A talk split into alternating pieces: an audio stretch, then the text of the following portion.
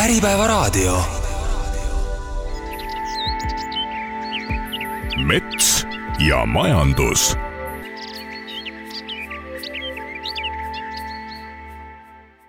tere taas kõigile saate Mets ja majandus kuulajatele. mina olen saate toimetaja Toomas Kelt ja täna viime teid taas ajas tagasi oktoobrisse, kui Tartus toimus konverents Puidutööstuse äriplaan kaks tuhat kakskümmend neli tänases saates toome teieni kaks ettekannet. Esiteks räägib rohepöördest ja selle mõjust metsandusele Kliimaministeeriumi metsaosakonna juhataja Meelis Seedre. saate teises pooles aga kuuleme VKG biotoodete arendusjuhi Lauri Raidi ettekannet biotoodete tootmisest kui Eestis seni kasutamata võimalusest. konkreetsema näitena käsitleb Raid VKG planeeritavat biotoodete tootmist. head kuulamist ja alustab Meelis Seedre see suur, suur teema, mida kõik hästi ilmselt teavad, on on, et siis selle Kliimaministeeriumiga ja rohepöördega seoses äh, algatati väga hoogsalt äh, kliimaseaduse kokkupanemist, mis on täna juba läinud, äh, läinud täiesti hoogsalt graafikus edasi. see on suur ja oluline asi ja, ja, ja meid mõjutama saab, et mis täpselt välja tuleb, seda on raske ennustada, aga, aga igal juhul loodetavasti olete ka ise äh, sa, sa, sa saate ühte või teistpidi kaasa rääkida ja väga püü-, püü-, püü-, püütakse äh, kaasata võimalikult äh, laialt kõiki Eesti inimesi ja, ja jällegi siin on näha, et need eesmärgid on ju on, on, on väga head ja, ja kuidas nendele nüüd täpselt jõuda, on siis see ülesanne, mis tuleb seaduse koostajatel teha, et ega, ega see lihtne ei ole ja, ja kõik peame siin panustama ja koos mõtlema ja loomulikult äh, äh ka metsanduse poole pealt olen, olen ma ka ise seal kaasatud. E, ja noh, miks kliimaseadus, kliimaministeerium äh, LULUCF-iga on ilmselt kõik juba tuttavad, land use, land use change ja forestry ehk siis see Euroopa-ülene eesmärk, mis meil on äh, süsiniku äh, sidumisega seoses, et äh, probleem on ju kliimamuutustes, probleem on ju selles, et viimastel aastatel on see olnud ikkagi päris tõsine ja, ja kuidagi seda muutust sellesse heitesse ei tule ja, ja tundub, et need need meetmed, mis me oleme võtnud, need pingutused ei ole täna piisavad ja, ja Euroopa siin tahab olla teenäitajaks. Teenäitaja ei ole lihtne, pioneeri elu ei ole lihtne, aga, aga tõesti, võib-olla me suudame seda teha väga hästi ja niimoodi, et ka meie majandus õitseb ja inimeste äh, eluolu on, on, on hea miks see probleem siin ongi siis selle kliimaseaduse LULUCF-iga on see, et meil on ikkagi seotud selline eesmärk äh, nii, nii kõigis sektorites kui ka, kui ka siis selles metsa ja, ja, ja põllu ja, ja rohumaa ja märgala sektoris, et, et, et kuidas me selleni jõuame, sest et et selleks on vaja teha ilmselt mõningaid päris selliseid äh, tuntavaid, tuntavaid muudatusi, sest et äh, ega see heide iseenesest äh, ikkagi ei kipu vähenema. Ja ja, ja kliimaseadus ongi nüüd see, mille raames siis täpsemalt lepitakse kokku, kuidas, millised valikud me peaksime tegema. Ja noh, mõnes mõttes me täna teame neid valikuid metsanduses või, või selles LULUCF-is, aga aga kliimaseaduse raames see kõik uuesti läbi mõelda ja kõik need faktid lauale panna ja need mõjud lauale panna ja, ja siis koos mõelda see kõige parem lahendus, et noh, see, see, see on ikkagi mõistlik teha. kliimapoliitika, kliimateemad, kliimamuutused, rohepööre ja nüüd metsapoliitika. metsanduse arengukava, väärindamine, investeeringud, panin siia kokku ja noh, see on nüüd ma ei tea, puidutööstusele ikka vist päris oluline, oluline nagu teema, et äh, eks äh, teate hästi, et viis aastat on seda arengukava juba tehtud ja ja vastu teda võetud ei ole, valmis on ta küll. Äh, mul on olemas failid need on ka leitavad Kliimaministeeriumi kodulehel ja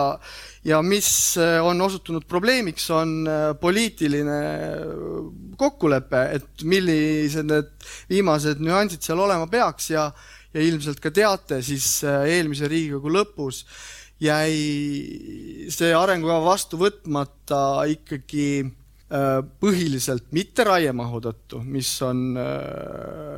ka üks põhiteemasid paraku metsanduses, siis ikkagi selle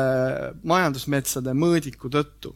et et seal poliitikud ei, ei, ei, ei suutnud kokku leppida, et kas see peaks minema selle mõõdikuga või ilma selle mõõdikuta. ja, ja ma pean ütlema ka seda, et, et see, see poliitiline probleem on ka täna üleval ja, ja siin äh, paraku ei paista olevat sellist äh, kiiret lahendust, sest et noh, põrkuvad äh, poliitilised äh, maailmavaated ja, ja tegelikult äh, see, mida vajavad väärindajad, äh, mida vajate teie investeeringuteks, kindlust riigi poolt, selgeid sõnumeid, äh, stabiilset keskkonda, siis ma arvan, et paratamatus on vist see, et tänane maailma situatsioon, kõik see, mis meie ümber toimub, see, mis toimub Eesti poliitikas, see, kui raske on Riigikogus üldse midagi teha, et seal saab teha ainult nagu kõige-kõige kriitilisemaid asju, siis äh, ma ei näe, et et siin lähiajal oleks võimalik metsanduses äh, mingite suurte otsusteni jõuda ja me, me tegelikult mõtleme selle peale, et võib-olla võib-olla äh, võtta kõik need äh, ideed, äh, kuidas metsandust ja metsaseadust paremaks teha ja paremini reguleerida, võtta need kõik kokku ja siis vaadata need koos läbi samamoodi niisuguse uudse protsessina, sest et see, kus me täna oleme selle arengukavaga ja ja, ja, ja nende teemadega, et siin noh, ikkagi oleme me patiseisus, eks ju, et, et see on paratamatus, et siin on argumendid äh, mõlematel pooltel või nendel erinevatel pooltel on täiesti arusaadavad ja ja, ja sümpaatsed äh, isiklikul tasemel nagu igalt poolt ka kõigile nagu erinevaid aspekte ja, ja aga et siis äh, midagi konkreetset ära otsustada, seda, seda ei ole lihtne teha. et, et selline on see reaalsus ilmselt täna, nii et niisugune, niisugune sõnum äh, ja tunnetus minu poolt. nüüd, äh, nüüd mõned äh, ma ei tea, kas siis liht-, ei no lihtsamad teemad, siin lihtsalt ei ole siin midagi, et ega elu ei olegi lihtne, ei ole seaduste tegemine lihtne, ei ole äriajamine lihtne ja, ja ühiskonnakorraldus üldse, nii et palju keerulisi teemasid on raadamine on maailmas väga suur probleem äh, ja ka selle kliimamuutuste osas on sellel oma, oma, oma osa mängida ja, ja, ja selle tõttu on Euroopa Liit öö, äh, otsustanud ja võt-, vastu võtnud ka, ka seadusandluse, et reguleerida raadamist Euroopa Liidus ja siis needsamad nõuded kehtivad ka impordi puhul ehk ehk et siis peamiselt hoida ära Amazonase metsade äh, raiet. äh, ja, ja, ja aga selleks, et äh, see reegel oleks aus ja võrdne, siis on täna need kohustused, mis tekivad teistele riikidele, tulemas ja ka Eestile. ehk siis iga kogus puitu ja neid teisi kuut Äh,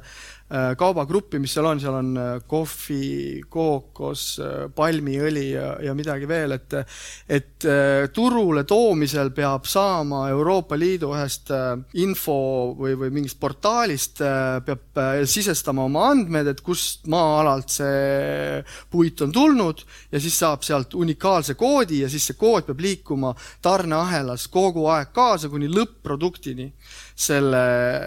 selle, selles tarneahelas, nii et see on ütleme, väljakutse ja täna, mis on kõige suurem väljakutse, on see, et tundub, et seal ei ole hetkel võimalust masin-masin suhtluseks, et et seda peab tegema käsitsi, mis tundub nagu noh, ma ei tea, kakskümmend kolm aastal niisugune väga kummaline situatsioon, aga aga, aga täna meil on olemas endal need koodid ja me saame seda katsetada. Äh, riigi poolt seda me ka teeme ja RMK ka samamoodi saab seda katsetada ja, ja ma lo loodan, et äkki on võimalik teha see ikkagi lihtsamaks niimoodi, et ei pea võtma inimesi tööle, kes hakkavad sisestama kuhugi portaali andmeid ja siis kleepima need e-veose e lehekülge. ja siis võib-olla olete ka kuulnud, et seoses äh, või koos äh, koos riigieelarvega võeti pardale sinna ka raadamistasu ehk siis Eestis on nüüd, on nüüd, kui, kui, kui läheb, noh, Riigikogus on see praegu see protsess, eks ju, ja, ja võivad siin asjad veel loomulikult muutuda, aga kui kõik läheb plaani kohaselt, valitsuse plaani kohaselt, siis alates esimesest juulist järgmine aasta tuleb maksta raadamisel äh, ühe hektari eest neli kuni kaheksa tuhat eurot, vastavalt siis äh, sellele määrusele, kus me kirjeldame metoodika, sõltuvalt siis, mis metsa raadatakse ja siis see raha äh, ja see põhjus, miks me seda teeme, on see, et raadamisel on väga suur negatiivne kliimamõju, kuna mets kaob sealt täielikult ära ja ka noh, tagasi ei tule, äh, siis äh, see on kliimanegatiivne tegevus ja siis me suuname selle raha läbi Keskkonnainvesteeringute Keskuse äh, toetuste kliimapositiivseteks tegevusteks, nagu näiteks metsastamine, et saab tulevikus ka metsastamise toetust, on ka teisi teemasid seal, mille mille jaoks saab toetust, aga just teha kliimapositiivseid tegevusi ja ja noh, ütleme raadamises on huvitav võib-olla see, et Äh, tegelikult kõige äh, ajalooliselt eelmisel kümnendil kuskil tuhat viissada hektarit aastas äh, raadati. peamiselt on need arendused ehk siis ehitus, lindade ja valdade laienemine teiega väga seotud, nii et see raadamise tasu tuleb nagu mängu kindlasti ka puidusektori poolt just sellepärast, et arendajatel tekib selline üks, üks lisakohustus paraku juurde, et, et aga aga, aga täna on suured raadajad lähitulevikus ette näha ikkagi Rail Baltic, äh, siis meie kaitse, kaitseväljakud äh, mitmed ja, ja nende, nende mõju vähendamiseks siis jah, tuleb, tuleb suunata see finants, äh, finants tagasi siduvatesse tegevustesse. mõnikord mulle tundub, et need soovid, mida metsadest näha tahetakse, on äh, pehmelt äh, või, või mitte pehmelt öeldes utoopilised, et tahetakse nagu saada mingit imet sealt metsast, et, et üks mets peab andma sulle kõik, et olema ilus ja igavene ja andma puitu ja seal peavad elama kõik linnud ja loomad ja, ja noh, see püsimetsandus ja loodus- ja põlismetsad on ka täna teemaks Euroopa poolt. On meil äh, är,, ärme ütleme, et või är, ma ei ütle, et Euroopa poolt tuleb meile kohustus, selle me lepime ise kokku seal. Äh, meie poliitikud, meie ametnikud, meie ministrid äh, käivad seal ja see lepitakse koos kokku, see on meie ühine, ühine soov seda teha, et et läheksid, läheks elu Euroopas paremaks ja, ja, ja selle loodus- ja põlismetsade puhul on siis niimoodi, et kahekümne kolmekümnendaks aastaks tuleb äh, kõigis Euroopa Liidu riikides äh, äh, üles leida põlis- ja ürgmetsad. noh, Eestis, nagu me juba esimeses ettekandes nägime ja paljud ka teavad, kolmkümmend üks protsenti kaitse all, kaheksateist range kaitse all. nüüd me töötame välja kaardilahendust, et leida veel potentsiaalseid alasid ja siis saadame sinna inimesed äh, vaatama, kas äh, meil on neid, neid alasid veel ja me kirjutame koostöös teadlastega ka spetsiifilised kriteeriumid, et, et mis on üks, üks põlismets. et see on old growth ja primary forest inglise keeles ja, ja, ja need metsad, mis siis vastavad nendele kriteeriumitele, mis me seame, eh, tuleb võtta range kaitse alla. Et selline on see kokkulepe, mis me Euroopas teeme. Ja noh, võib-olla siis võib küsida, et kui meil on olnud nagu looduskaitses täna selline hea töö, siis ilmselt peaks kõik need tänaseks olema kaitse all, aga, aga mina ei julge küll nagu kindel selles olla, et seda me ju ei tea. Äh, aga eelduse kohaselt küll, sest et noh, looduskaitses on ju samamoodi seni lähtutud ikkagi sellest, et kui on leitud midagi erilist, midagi olulist, äh, siis on võetud see kaitse alla ja, ja, ja nüüd äh, igal juhul tuleb see uuesti üle vaadata ja, ja, ja see ei ole lihtne, sest tegelikult meie, meie võimekus leida jällegi kakskümmend kolm aastaga kaardi pealt leida potentsiaalseid põlismetsi on väga keeruline, sest me tegelikult ju näeme ainult pealtpoolt seda metsa ja me ei näe peaaegu üldse nagu liike. mullakaardi me saame, aga me ei näe seda struktuurset mitmekesisust ja, ja mitmeid asju, nii et see see ei ole lihtne ülesanne. ja siis järgmine kompoti äh, huvitav osa, RED kaks ja RED kolm äh,, Renewable Energy Directive äh, paljud on kuulnud, mille eesmärk on nüüd siis selles rohepöördes või rohekokkuleppes, kliimapoliitikas, loomulikult, eks ju, kõik need asjad on seotud, on, on suurendada Euroopa üleselt taastuvenergia osakaalu et, et siin näete neid numbreid, see on üheksandast oktoobrist äh, tulnud pressiteade, kui, kui see Red kolm ära kinnitati. Ja jällegi eesmärk on ju väga hea, tõesti, me peame liikuma taastuvenergia poole, aga see ei ole läinud nii libedalt, äh, kui, kui oleks võib-olla soovinud, et paraku on see üsna keeruline ja tuleb väga-väga tugevalt pingutada. Ja nüüd mida, mida see Red kaks meile tõi, on selle, et, et käitised, mille nimisoojusvõimsus on üle kahekümne megavatti, peavad siis iga aasta alguses, eelmise aasta kohta esitama auditi oma kasutatava biomassi kohta, milles siis on loodetavasti kirjas ja tõendatud, et nende kasutatav biomass vastab jätkusuutlikkusele, jätkusuutlikkuse kriteeriumitele, just siis tarneahelas, aga ka, aga ka sealt metsast alates, aga see ei ole metsa majandamise audit, see on, see on, see on tarneahela audit ja ja, ja nüüd, kui see ei vasta Äh, sellele jätkusuutlikkuse nõuetele, siis tuleb osta endale kvoodiga äh, neid ühikuid. Äh, ehk siis on üsna oluline, et, et meie kasutatav biomass oleks ikkagi jätkusuutlikust kohast, metsast, mitte ainult metsast, ka põllumaalt tulnud ja, ja nüüd Red kolm toob siin mitmeid olulisi muudatusi, täna hommikul äh, kolleeg äh, ka oli ERR-i kommenteerinud üldisemalt seda teemat ja ja, ja tekivad äh, konkreetselt sellised no-go alad, kus siis mingitest metsadest, noh nagu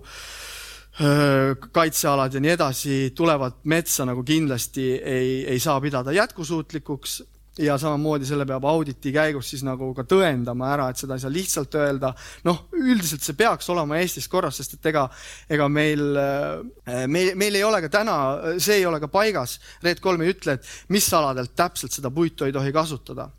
et, et see on, see on riigi teha ja, ja sellega me tööd hakkame tegema. ja, ja nüüd see suur muudatus seal veel on see, et kui enne oli kakskümmend megavatti, nüüd siis see läheb alla seitsme poole peale, sooviti ka viit, mis tähendab, et see nelikümmend ettevõtet täna kahekümnega, et see ring oluliselt suureneb, hakkab mõjutama oluliselt rohkemaid ja annab auditeerijatele ja sertifitseerijatele palju tööd, mille üle ma usun, neil on hea meel ja tegelikult ka tegelikult on ju ka nii, et,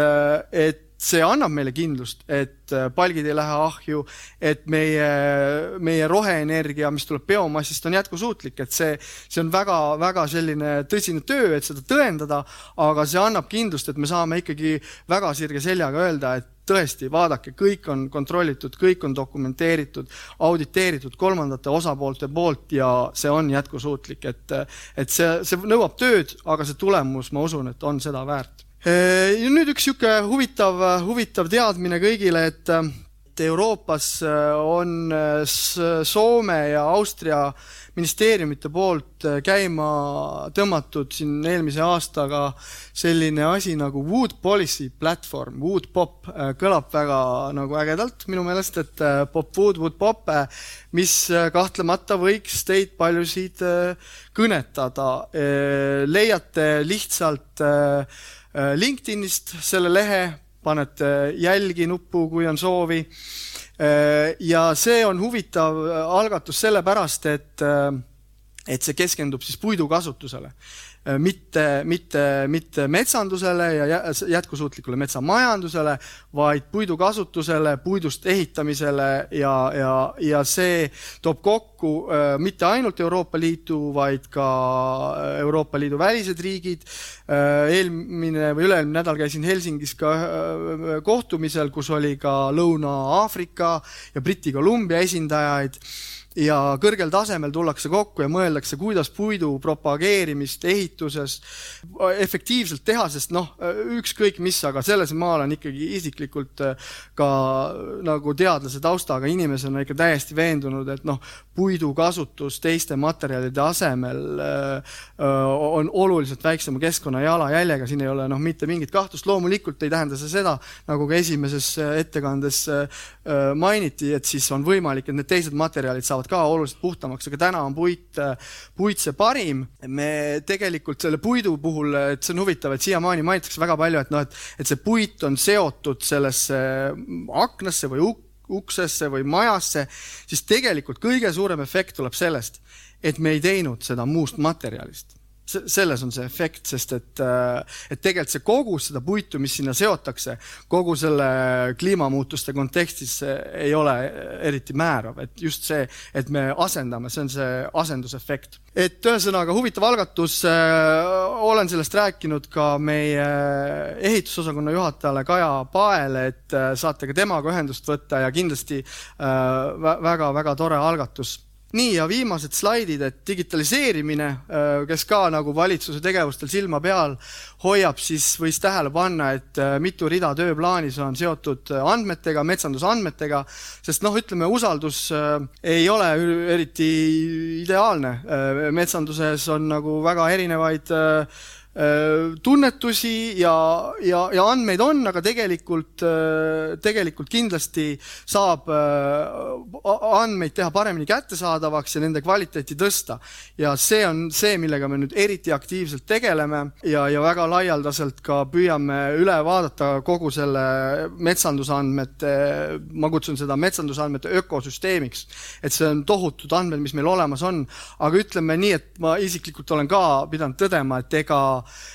ega ei olegi alati nii lihtne leida ja mõnikord leiad asju, mis sa mõtled, et kuidas ma nagu ei teadnud, äh, et sihuke asi on olemas ja veel eriti minule on see nagu häbiväärne, et, et siin ma ei hakka näiteid tooma, aga, aga igal juhul väga pingutame ja tahame teha selle nagu igale inimesele äh, hästi lihtsaks ja, ja, ja samas äh, nagu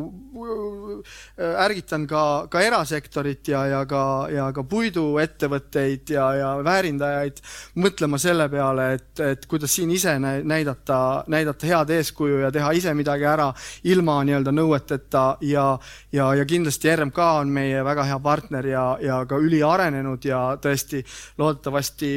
teerajaja sellise uuema, avatuma ja usaldusväärsema metsanduse,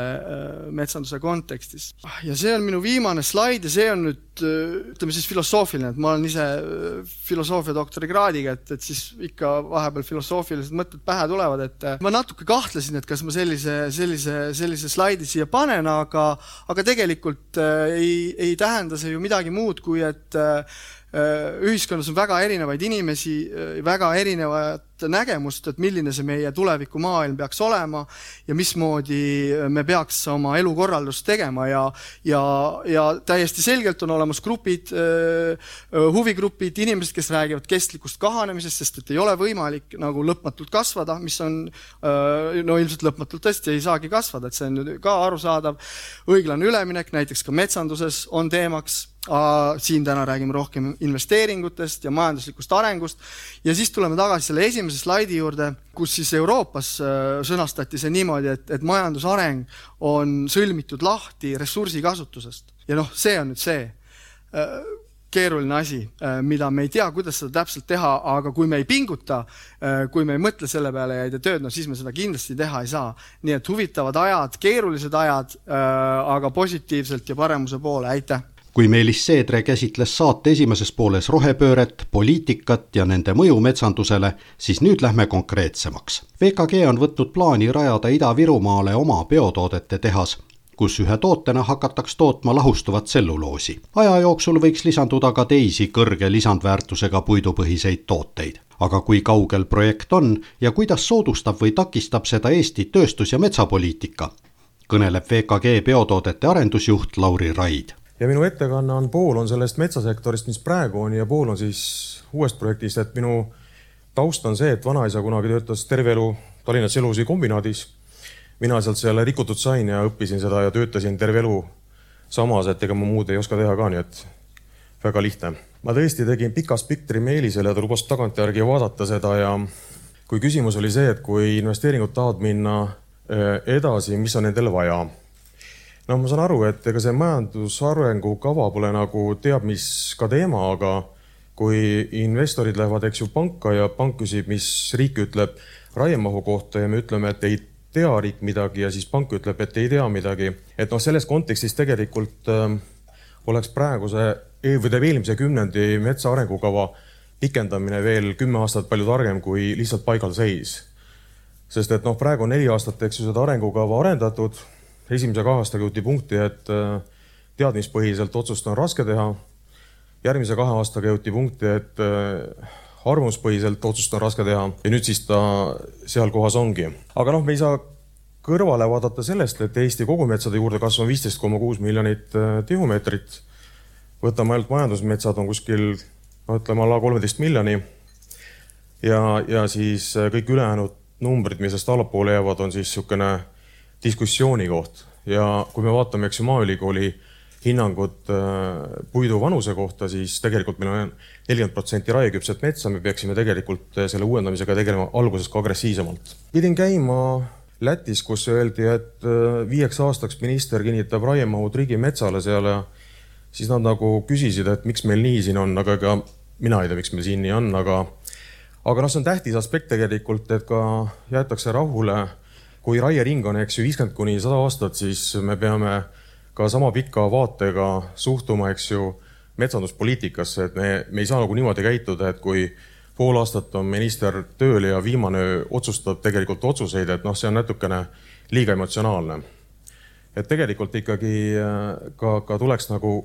äh, mahud jätta rahule RMK-s. no kaitsemetsade koha pealt ma natukene hiljem räägin ka eraldi, aga noh, me teame, eks ju, selle avaliku statistika alusel, et Eesti katse, kaitsemeetode osakaal siin tegelikult isegi üle-eelmine aasta, eelmisel aastal on kolmkümmend üks protsenti. et me oleme siis rangelt kaitstavate metsadega Euroopas kolmandal kohal, Liechtenstein, Itaalia meist ees. kas meil on vaja seal olla? aga selle juurde ma tulen eraldi veel. me oleme kevadise raierahuga ju ainukesed Põhjamaades, kellel see on, et äh, kindlasti need on tähtsad aspektid, aga noh, me ei saa nagu vaadata ka olukorda, et kui on majandusraskused, et kas siis nagu sellega silma paista ja lasta teistele, eks ju, ilma raierahuta tegutseda ja me kuulame, mismoodi on ettepanekud seda pikendada nelja-viie kuu peale ja nii edasi, et noh, see on, kus keskkonnas me oleme. et see pilt on tõesti, ütleme praeguse olukorra kaardistus. ta ei ole tegelikult äh, ühe ettevõtte või, või erinevate otsustuskriteeriumid kui rääkida LULUCF-ist, siis LULUCF on noh, see niisugune huvitav teema, et ta tegelikult ei räägi ju juurdekasvust üldsegi. ja kui ei keskendu, eks ju, eesmärk juurdekasvu optimeerimisele ja kui ei võta ka arvesse asenduse efekti, mis on tegelikult pool sellest kogu efektist, mida metsasektor annab, siis noh, see kogu Exceli tabeli arvutus liigubki nagu sinna, et äkki väike number on parem, aga mida väiksemaks sa lähed, seda rohkem sa tegelikult LULUCF eesmärkidele vastu, eks ju, töötad. ma räägin raskeveokitest eraldi, et ja raudteetranspordist ka eraldi, aga noh, kui me räägime investeeringutest, siis eh, see projekt, mis me teeme, on praegu ilma igasuguse toetuseta kalkuleeritud ja me saime ka valideeritud õiglasest ülefondi, üleminekufondist, aga noh, öeldi, et kuna võiks nagu eriplaneeringu kolm aastat teha, mis Kemis tehti ühe aastaga ja selle tõttu me ei käivitu esimeseks aprilliks kaks tuhat kakskümmend kuus ehk lihtne vastus on see, et me, me selles rallis seal sees ei ole. aga muidugi sealt pakuti ka ühte protsenti, et ega see nagu ei muuda. kui me vaatame Euroopat keskeltläbi, mis tegelikult tegeletakse investeeringutoetustega riikide poolt, siis nad on seal kahekümne viie protsendi kandis ja nii edasi, tegelikult väga hästi veebupilt näitas võib-olla kaheksateist protsenti kategooriat, et eks nad seal tegelikult liiguvadki, et äh, kui on äh, vaja riskide maandamiseks tegelikult riiklikku seisukohta, siis äh, seda, seda seisukohta on vaja. põhjus, miks see tegelikult tähtis on, on see, et äh, kes läheb panka ja tuleb Eestist, vaadatakse, et okei okay,, te olete nagu seal, seal Vene piiri ääres. no siis lähed veel sinna, ütled, ma olen ka Ida-Virumaalt, eks ju, siis vaadatakse, okei okay,, intressid natuke kõrgemad, riskimarginaalid kõrgemad. et noh, nende, ütleme, riskide intressimarginaalide äh, maandamiseks tegelikult on vaja riigi seisukohta, et Ähm, mitte lasta investeeringut ebakalliks võrreldes teiste, teiste piirkondadega aga no muidugi see, et kriisi tagajärjel, eks ju, Valgevene, Vene import seisma jäi ja tänaseks siis on saetööstus väljakutse ees, kus nõudlus ära kukkunud. ta, talle aitas kaasa, eks ju, eelmise aasta kulusisendite megatõus, et noh, kui sa juba nii raskes seisus oled eelmiste aastate näol, ega kohe kiiresti jalule ei tõuse. et tegelikult selle lehe kokkuvõte on see, et kiireid vastuseid ei ole, et kui tahetakse saada jalule, on vaja pikaaegselt ikkagi teha õiget käitumisi. aga siin on hästi palju punkte, mis tegelikult me oleme, eks ju, äh, konkurentsist väljas ja otsustada on võimalik. no seda me nüüd teame, eks ju, et järgmise aasta riigieelarve on defitsiidis üks koma seitse miljardit. ja töötlev tööstus, eks ju, on kaks kolmandikku ekspordist. ja see slaid, mis oli siin enne lõunat, et ressursivaba majanduskasv tulevikus, et see on suhteliselt raske tegelikult äh, saavutada, kui ta praegu ressursipõhine on aga noh, tuleb tõdeda, eks ju, et Eesti töötlevas tööstuses kokku on äh, pooled Eesti hõivatutest seotud töötleva tööstusega. et kui see, nagu enne öeldi et, et kümme protsenti SKP-st metsasektor, kogu töötlev tööstus viisteist protsenti, siis ega kõrvale vaadata ei saa, kui töötleval tööstusel ekspordiga on raske. kui riik mitte midagi praegu ei tee, siis ei muutu ka mitte midagi aga noh, eelmine nimekiri tegelikult oli, kus on probleemid. see ülemine number üks koma seitse, te teate seda ja kui nüüd tulla siia, siis see pealkiri ei ütle, et on võimalik tegelikult ühte koma kolme miljardit võtta loodusmetsade arvelt eelarvesse, kuid kui lihtsalt võtta SMI andmed, eks ju, kaks tuhat kakskümmend kaks aasta ja korrutada aastane juurdekasv, mis on rangelt ja piirangutega kaitsealadelt läbi äh, Ersta Jongi uuringust välja toodud lisandväärtu, lisandvääritamise efektiga kakssada kuuskümmend viis eurot tihumeeter, siis sihukene maht meil tegelikult on kaitse all. küsimus on hoopis teine, et äh, me oleme jõudnud sinna kolmekümne ühe protsendini. me oleme, eks ju, Euroopas kolme hulgas ja nüüd on küsimus, et äh, kas see on, kus me tahame olla või tegelikult oli see aasta kaks tuhat kakskümmend tase, kus oli see õiglane moment no ma ei hakanud tõesti praegu siin tooma neid äh, pilte nendest lindudest, mis metsas on ja, ja äh, kooreraskepark on Haanjas, et äh, need tegelikult ilmestavad praegu situatsiooni, mismoodi see ühiskonna diskussioon käib, et, et kaitse all tegelikult on igasugused elundid. Kindlasti võib-olla see aitab turismindust, kui minnakse sinna Haanjasse, öeldakse, et näete, et me saame burgeri vahele panna kooreüraskid siin, et äh, jube lahe, eks ju. aga no me ei tohiks nagu kasvatada neid ka. ja no lindudega on sama teema, et tegelikult see on hästi sensitiivne, hästi tähtis, keegi ei taha kellelegi liiga teha, aga see küsimus, et mismoodi on Põhjamaades, mismoodi on Baltikumis, mismoodi on keskeltläbi see lind, kes lendab üle Hollandi, eks ju, mis temaga tehakse Hollandisse ennem kui ta siia jõuab, et äh, point on selles, et äh, kui laskuda diskussiooni, et kas seda perioodi pikendada, siis nagu kuhu veel aga noh, tegelikult ega see praegune tase on äh, selline, mida naaberriikides lihtsalt ei ole. transpordi efektiivsusest liiga palju ei peagi rääkima, see on pika distantsi teema, sest et üle, üle, üle ütleme kahesaja kilomeetri distantsidelt hakkab, eks ju, valusamini äh, mõjuma ja siin on pikk taust, miks tegelikult see pilt on praegu selline ja see iseenesest, eks ju, viiskümmend kaks tonni erandlubadega tehti ka kaheksa aastat tagasi või? Et äh, ta on mõnes mõttes nagu tore, tegelikult ega Eesti sillad, mis toodi riskiks, kannatavad, äh, nad on tehtud tegelikult nõukogude ajal ju tankide järgi, et äh, nad kannatavad raskeveokid, neid kolmesaja tonniseid teste on ju tehtud Valgejõel, aga kuluefektiivsuses teised arenevad edasi ja need on lihtsalt praegu seaduse järgi lähenemised, mis on Soomes, Rootsis, aga nad tegelevad piloottestidega suurtemate mahtudega seal lingis on tegelikult üks jah, eelmise aasta analüüs selle teema kohta ja ja, ja vahepeal lähevad arengud edasi ka. muidugi seal on need teemad, et nad on natuke pikemad autod ja rohkem telgi ja eh, liiklustihedus, aga me tegelikult oleme ju näinud ka, et infrastruktuur kaks pluss kaks on arenenud ja nii edasi, et eh, see teema natuke peas kinni. mis ma tahan öelda, on see, et eh, kui kliimapoliitika tahab arvesse võtta kütusetõhusust ja siis ta tegelikult ei saa mööda vaadata sellest situatsioonist.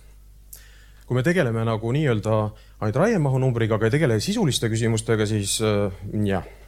ega ma ei saa teha ettepanekut, minu ettepanek muidugi oleks, et seitse telge korda kümme tonni, seitsekümmend tonni, aga noh, siin natuke on vaja sisulisemalt asjale, asjale läheneda.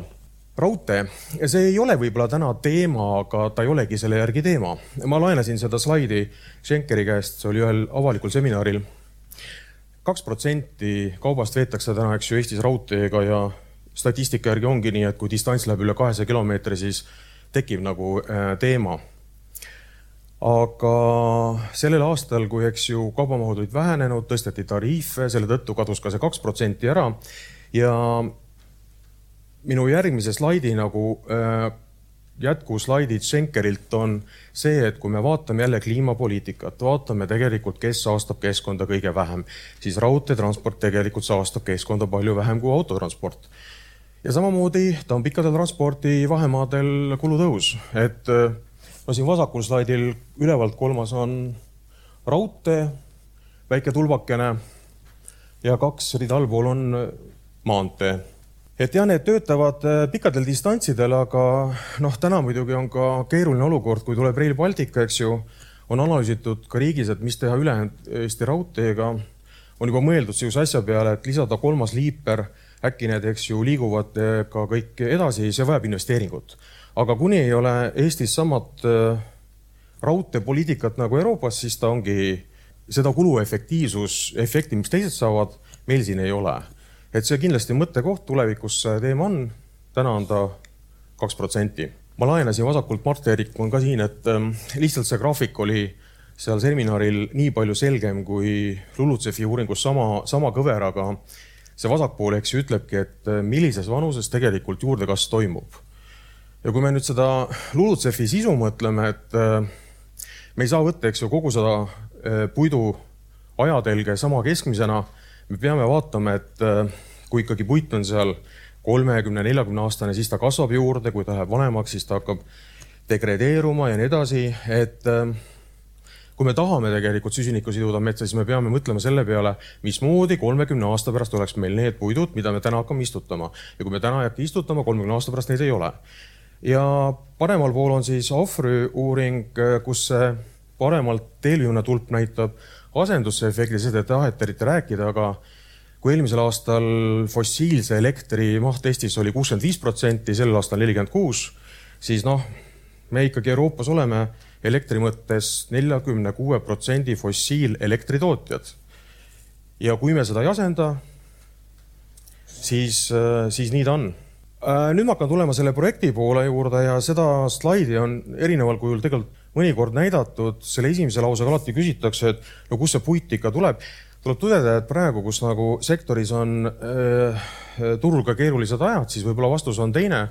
aga statistika järgi eelnevatel aastatel on läinud, eks ju, kaks koma seitse miljonit välja, kui me räägime paberipuidust ja hakkest, sest et äh, selline tehas tarbib ka haket, hake on üks kolmandik kogu sellest miksist ja ta tarbib ka okas ja lehtpuitu, noh, ütleme lehtpuidu puhul ainult kask, aga okaspuidu puhul kuusmänd. seedrit on vähe. et äh, tegelikult need mahud on ikkagi üle selle ja väga selgelt, eks ju, me oleme ka kalkuleerinud, et äh, tõenäoliselt konkurentsitingimustes tähendab see seda et, et kakskümmend protsenti tuleb Lätist ja, ja, ja nii ta on, et tegelikult üksikprojekt ei tule apelleerima Eesti raiemahtude muutusele, aga see, et Eestis väärindada ja sinna kõrvale mahub ka teisi arendajaid, et see on see taotlus. noh, endiselt me oleme teinud omad kalkulatsioonid, omad diskussioonid äh, puidu varumise koha pealt, et äh, me kindlasti näitame seda, mida peab, aga põhiolemuslikult äh, me ei pea, ütleme kõike nagu võib-olla oma tabeleid ka alati Äh, koore juure tasandini lahkame laiali. Ja selge on see, et tegelikult selline tehas annab metsaharijale äh, suurema puidu hinna, sest et ta tuleb stabiilselt tarbima, mitte siis, kui seda on vaja. Ja, ja siis, kui teda ei ole vaja,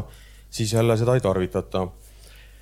ja ütleme, kuna aeg läheb ruttu, siis võib-olla ülejäänud asjad äh, on sellised ümmargusemad või ütleme, põhimõttelisemad, aga ma lähen natukene edasi. Äh, need numbrid on ka tegelikult, eks ju, meil saidil olnud avalikud, et mis me oleme vahepeal kalkuleerinud roheelektri koha pealt, on see, et selline tehas tuleb tootma null koma üheksa teravatti roheelektrit, sellest müüki läheb null koma kuus. toodangumaht on kakskümmend protsenti Eesti toodangumahust, et need on suured numbrid ja see, see erinevus ongi, eks ju, et ligniin tehakse energeetikaks tselluloos tehakse toodeteks ja, ja nii ta on. noh, ülejäänud numbrid on, mis on enne juba läbi käidud, et miljard, kaks koma kaks miljonit tihumeetrit tarbib, käive seal nelisada viiskümmend miljoni, miljonit aastas ja, ja kakssada viiskümmend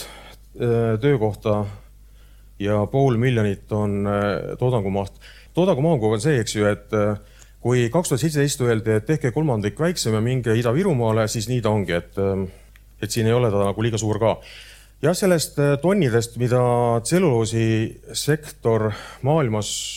sellest on enne räägitud, see nelisada miljonit nüüd sisaldab tõesti seda taaskasutatud kiuduga, aga kui vaadata seda värsket kiudu, mis peale toodetakse sada seitsekümmend miljonit, siis meie turumaht on kuuskümmend kaks miljonit tonni aastas ja ta on jätkusuutlikult kasvutrendis, et äh, kui, kui, kui tahta graafikuid äh, turu äh, tugevuse kohta, siis need kaks protsenti aastas turu mahu tõusu kindlasti räägime lahti. Ja ma usun, et eelnevad esinejad on ka väga kenasti ütelnud, et kui tahetakse fossiilset asendada puidukiuga, siis sealt see turumahu tõus tulebki. tegelikult pool tõusust alati tuleb Aasiast. Aasia inimesed tahavad elada sama hästi kui eurooplased,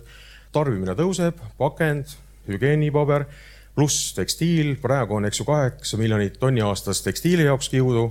sada kolmkümmend viis miljonit tonni on kogu turg, kus siis enamus kiud on ikkagi sünteetiline. Puuvill, selle asendamine puidukiuga,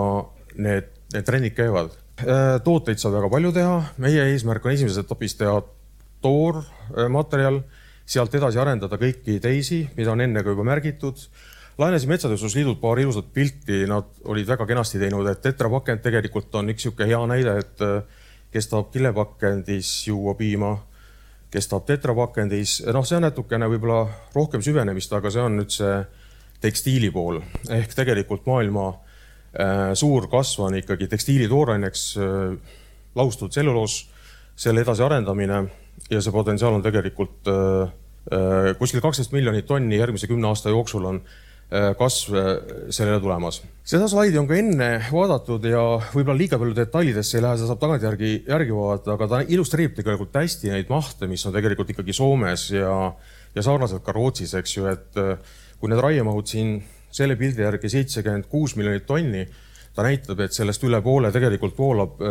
tselluloosi ja paberi väärindamise ahelasse. põhjus on maksujõulisus tegelikult. Aga noh, ütleme siin on nagu teine külg ka, et kui alati see küsimus, eks ju, et kas ikkagi ressurssi piisab, siis noh, ütleme harvendusraie maht on nagu äh, Soomes-Rootsis palju suurem kui, kui Eestis aga see juhtub kolmekümne aastaga, juhtus kolmekümne aastaga Soomes-Rootsis, kus tegelikult, kui tekib selle sortimendiline nõu-, nõudlus, siis tegelikult hakatakse rohkem arendusraidega tegelema. Ja siis etapiliselt kolmekümne aasta jooksul tegelikult see proportsioon muutub, see on tegelikult äh, kallis metsanduses, sellepärast seda ei tehta, väga arusaadav, aga selle tulemus on see, et jälle selle madala väärtusega sortimendi, küttesortimendi maht kukub, et noh, see on see äh, laenasin ühelt potentsiaalselt seadmetarnijalt sihukesi pildikesi, me just oleme praegu, meil on layout tehtud, me viimistleme praegu seda väljanägemist, aga need on standardsed liinid, et äh, shoppa, lepi hind kokku, oled õnnelik, äh, kui said kaubale ja, ja nii ongi. et selle kuu seest käivitatakse Kemis metsafiberi tehas, mis on kolm korda suurem. paremal all on kolm äh,, optional on need äh, siis äh, tootmisüksused, mis on ligniinile või metanoolile või, või äh, väävelappele, et äh, osad nendest me kaasame projekti, osad mitte, et äh, me, meil ei ole vajadust kõigega tegeleda korraga. aga asukohta te teate, Lüganuse vald, AA, eriplaneering on siis selline, et kolm aastat ta kindlasti tuksub. noh, trassidega on niimoodi, eks ju, et kaevanduse vesi kümme kilomeetrit toru, süvamere lask, Eestis on kaks toru siiamaani, et äh, selleks, et äh, vältida kõiki neid kriteeriumeid, mis ongi rannikualas või siseveekogus, et kõik vastavused parema võimaliku tehnoloogia kriteeriumitele ja täita kõiki kohalike piirkonna keskkonnamõjude uuringute lisatingimusi, mida, mida välja tuuakse, et nii lihtne ta ongi. Ja me siin osade kolleegidega käisime Essa Östrandis tegelikult kolm nädalat tagasi, jõudsime tehase väravasse, lõhna ei tundnud, et kindlasti see etapp tuleb, kui me peame teatud piirkonda ja inimesi ekskursioonitama ka siis nendesse tehastesse, kus inimesed saavad ise väravas nuusutada, see hakkab viimase slaidi poole minema, et äh, ajatelg. vasakul jah, siin on hästi palju minevikku, aga kus ta täna on, on see, et äh, KSA eriplaneeringu protsess on pool tehtud, juunis asukoht kinnitatud KMH uuringute jaoks, KMH uuringud lõpevad selle aasta lõpus, põhiliselt kõige tähtsamad ongi, eks ju, vesi, merevesi ja õhk. Ja kui detsemb-, ütleme, kui jaanuaris on need valmis, siis nad hakkavad ka tegelikult äh, kooskõlastusprotsessid edasi liikuma, et kõige varasemalt eriplaneering võiks lõppeda oktoober järgmine aasta. kui tahetakse diskuteerida selle äh, kvaliteedi üle, siis ta võib ka alati venida, aga noh, ei tea, elu näitab. ja siis on ülejäänud etapid, aga selle slaidi nagu sisu on selles, et investeeringu otsuse jaoks, mis selle graafiku järgi on teine kvartal kaks tuhat kakskümmend viis, me peame kõik, eks ju, sisendid kokku panema, selleks on vaja äh, eelprojekteerimise jaoks summat, mis on seitsme nulliga. Ja ees ei ole üks, et äh, need otsustusmomendid tulevad suhteliselt äh, peatselt äh, omanikel pihku ja vastavalt sellele siis ka ülejäänud etapid hakkavad liikuma, et kõige varasemalt tehase käivitus kaks tuhat kakskümmend seitse lõpp eeldusel, et kõik otsustatakse nii, nagu ta praegu graafikus on. ma lihtsalt rõhutan ära, et äh, kuna see projekt on kalkuleeritud siiamaani, eks ju, ilma igasuguse äh, euro toetuseta, siis kindlasti ütleme, see riskide maandamise küsimus, see peab äh, lähi poole aasta jooksul olema arutatud ja sellest lähtuvalt ka tegelikult sõnumid välja öeldud, et kokkuvõtte slaid on järgmine, et ega ta kordab seda, mis ma enne, enne ütlesin, et ähm, turg on olemas, ekspordi maksutulu tugev, elektrijulgeolek. Ida-Virumaal peab keegi andma tööd pärast seda, kui kaks tuhat kolmkümmend põlevkivielekter on null. Äh, väärindamata ressursse, eks ju, ja fossiilse asendamine ja noh, riskid on peamiselt poliitikas kinni, et kas tegelikult keegi julgeb ütelda, et milline ikkagi see valitsuse seisukoht on raiemahtudele, et ja ülejäänutega me, me saame hakkama. selline oligi siis tänane Mets ja majandus. kena jõuluaega ja uut aastat kõigile kuulajatele. kohtume taas juba siis, kui aastanumber on uus